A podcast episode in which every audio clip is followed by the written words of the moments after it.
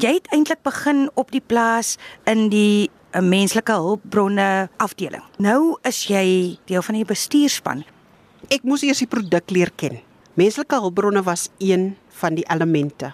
So ek moes met my mense werk en verstaan wat hulle doen dat ek die produk op die ou end kan bemark saam met hulle. So ek het maar my hande begin vuil maak in die wingerd, leer hoe die storie werk en dan ook hoe my mense dit geniet en hoe daai produk op die ou end in die bottel kom. Kyk, almal praat mos van die wynmaker, maar niemand praat regtig van die ou wingerdwerker wat so hard werk en wie op die ou end tog daai kwaliteit bepaal nie. En dan het ek geleer dat wyn is nie so sleg soos dit desjare uitgesaai was nie. Wyn was sleg vir dit wat die mense gedrink het, maar ek het dan nou geleer ken wyn is soos kuns. Dit kom een keer mooi uit as jy hom perfek doen. En hier het ek geleer hoekom die wynmaker soveel passie het in dit. Hoekom die pars so 'n passie het. Hoekom maar so lekker vibe is in die wingerde van almal sien uit om te sien wat in die bottel gaan wees. So jy het groot geword in Pinia. Hoe was dit desjare daai jou ouers was plaasarbeiders? Jy's nou in die wynbedryf, maar desjare was wyn vir jou 'n slegte ding. Dis wat jou ouers jou geleer het daaromtrent. Vertel vir ons meer daarvan. Ek is gebore in Piniel, groot geword daar, getrou met die man van my lewe wat ek nog nie 19 jaar getroud is. En soos almal weet Piniel is mos maar 'n klein sendingsdorpie en word ook geken as die slawenydsdorpie daarso. En ons was mos maar 'n plaas. Piniel was 'n plaas wat aangeskakel het deur die soms delta van van vandag en Alley Blood. Dit was alles plaas gewees. Daar was net vrugte, daar was wingerde, daar was varke, daar was van alles gewees.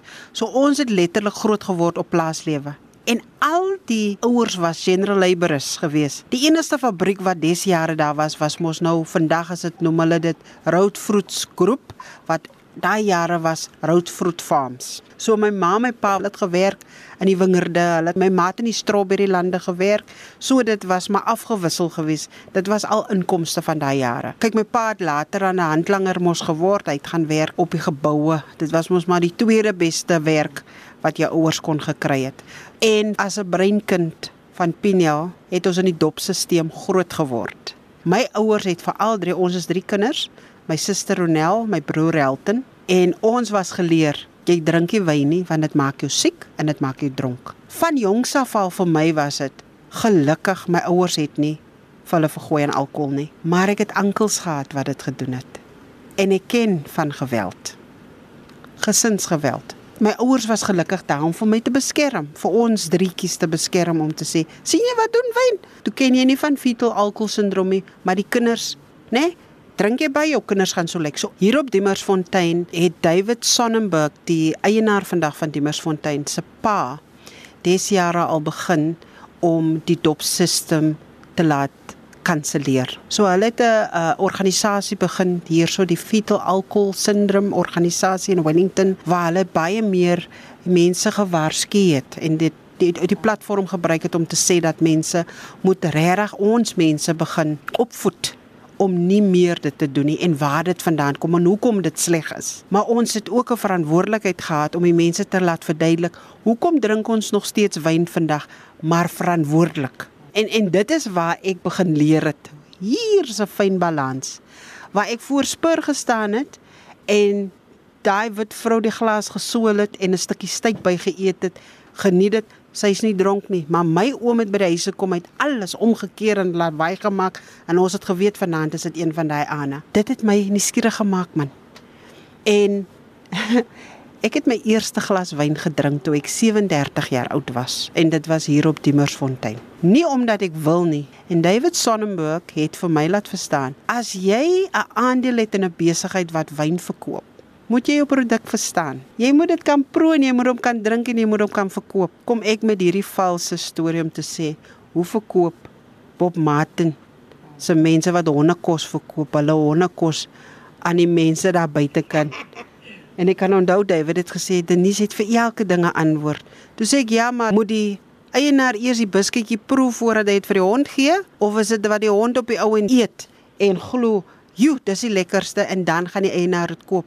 So ek sê vir hom, ek hoef nie die ding te proe om seker te wees as die beste nie, want almal praat dan van die produk is so oulik. So ek kan hom begin in my kop glo, dis reg. David het my gesê, "Nee, nie op my plaas nie.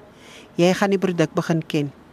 37 jaar oud. My eerste wyntjie wat ek oor my lippe gekry het was 'n Sauvignon Blanc 2017. En hier het ek in hierdie prolokaal gesit en toe spoeg ek alles uit. My eerste woorde was te sleg. Dit is die arene waar dit smaak sleg, dit proe bitter. Toe sê hy vir my ons moet jou palet begin ontwikkel dat jy dit verstaan. Dis so stupid ek was regtig oor wyn hoor. Ek het geen kennis gehad nie.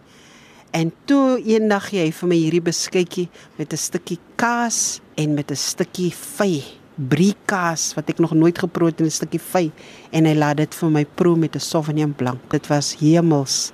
Toe begin ek mos nou proe. Hy, dis wat hulle noem pairings. Ek leer hom en ek gat dit gat lekker. Laat weet dit nie vir my male nie. Die kind drink nou nie. Ek proe nou nie. Ek nog uitgespoeg hy tyd. En ek begin toe nuuskierig raak en ek begin vir ou Waldo Kellerman in ons vorige viticulturalist. Ek sê broer, leer vir my wat gaan hier in die wingerd aan? Hoe waar kom die wyn vandaan? Daai bitter smaak. En dis waar ek myself begin leer het. Nou wil ek net vir jou vra, wat doen jy deesdae? My reis hierso het heeltemal verander. So ek het begin as 'n HR offisier soos ek gesê het. Ons het die bemagtigingsbesigheid begin in 2002 op hierdie plaas waar die plaaswerkers eienaars geraak het in 'n besigheid Tokozani. Tokozani beteken celebration. So vandag het Tokozani hulle eie gastehuis. 'n 4-ster gastehuis, 16 slaapkamers waar ons baie trots is om te sê ons kon in die moeilike tye dit afbetaal het by die bank niemand anders se geld nie. Ek is nou die bestuurende direkteur van Tokozani. Ek is ook die majority shareholder in Tokozani want ek het oor die jare het ek um moes ek gewerk het vir my aandele. Ek het nie dit gratis gekry nie. So oor 5 jaar het ek 'n goeie inbraak gemaak en met oor meerderheid aandeelhouer geword en dan al ons mense van kleur het 'n stukkie 'n uh, persentasie in die besigheid vandag en dan het Diemersfontein nog so 20% en nou kort November 2021 het um Tokozani 55% in die um handelsmerk Diemersfontein gekoop, maar dis 'n uh, baie lang pad waar ons kom. Maar Diemersfontein het geglo ons kan hande saamvat. So ek is nou um op die uitvoerende bestuur en ook 'n direkteur in Diemersfontein aangestel en natuurlik uh, besigheidsontwikkeling is nou my groot rol om en wat kan sê ons is baie trots om daar te wees vandag. Hello, Heidi. My name is David Sonnenberg, and I'm the owner of Dimas Fontaine. Denise has really been at the core of this project since she's been here 18 years, and we've worked together to try and define what Dimas Fontaine as an institution could do in the transformation space. And it's a very complex business of transformation. So when we decided to recruit an HR officer, it was with the hope that that person could work alongside me to define how we might do things here. I can only say we would never have come as far as we have done without Denise's huge energy, her charismatic energy. You know, my model is that I've often chucked Denise in at the deep end and said, now do this. And I th- she protested all the way to the bank, as it were. But I think it's actually been helpful because she's had to deal with situations that have grown her as a not only the person who, if you like, holds the moral compass of the of the estate alongside me, but also is contributing increasingly uh, to the success of the business in hard-nosed business skills. So I do believe that we together as a team are now getting a culture, uh, thanks to everybody's participation, a culture which is reasonably healthy under the circumstances. Vir die jaar 2020 het ons kontrak geteken en 55% aandeelhouers geraak in die handelsmerk Diemersfontein. Wat sê jy nou sê? Het jy nou opgehou droom? Wat bly oor vir jou? Vir jou Denise Stubbs. Hoe kan 'n mens ophou droom? Nog nooit. Hulle sê drome kom waarheid en ek dink hierdie was ook maar net 'n droom vir my toe ek begin het. En nou kan ons sien die vrugte pluk ons. Ons aanvaar dat ons nog steeds daarna streef, maar nooit kan ons ophou droom nie. As ek kyk na wat baie van die plaaswerkers vandag het en wat hulle oor die jare besit het nou met hierdie wonderlike besigheid, kan jy net dankie sê. Daar's 'n toekoms vir ons mense en hulle dit omhels en um, ons sien nog uit vir baie meer dinge. En omdat ons dit nog nooit gratis gekry het nie, het ons geweet hoe om te sweet. So hierdie droom is iets om te sê, ons het dit gedroom, ons het dit gemaak en ons gaan dit maak werk. Daar's een ding wat mense moet onthou. As jy enigiets gratis kry, gaan jy nie weet wat dit is om dit te bou nie. Ons het nie dit gratis gekry nie. Dit het gekom met 'n prys, 'n prys van regtig kommitment is die woord en ons het hard gewerk om te kom waar ons vandag is. So niks werk wat gratis is nie. Bottom line. Denise, jy sê jy het ook 'n koor begin?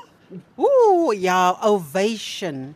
Standing ovation koor. Dit kom eintlik so, is dit so 9 jaar nou wat hy hardloop in die Weskaap. Die groot kompetisie is Agrigot Talent. Is soos Idols and The Voice, maar dis Agriculture Got Talent. So ons het um, deelgeneem begin daai jare en ou Cheslin Prins, een van ons sterk ouetjies op die plaas het die eerste top 10 gehaal.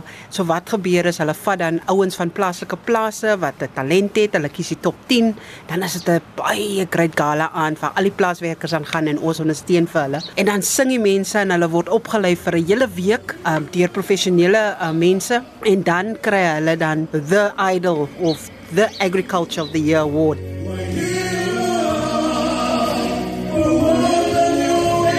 Ek dink die hartseers van hierdie ding is as jy ons terug gaan plase toe. Wat word van hulle?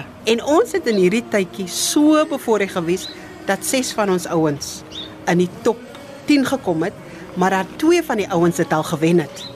En toe besluit ons, maar hoekom kan ons dan nou nie hulle talente bymekaar bring dat hulle kan sing nie? Voor Covid het ons mos nou die gaste gehad, oorseese gaste, nou sing hulle vir jou soos pata pata en lekker Afrikaanse liedjies en dan het ons nou daai bietjie geldjies wat die ouens in 'n beursie gooi het ons so vir hulle soos mikrofone en so begin koop. En ja, die ouens het talent man, hulle sing beautiful.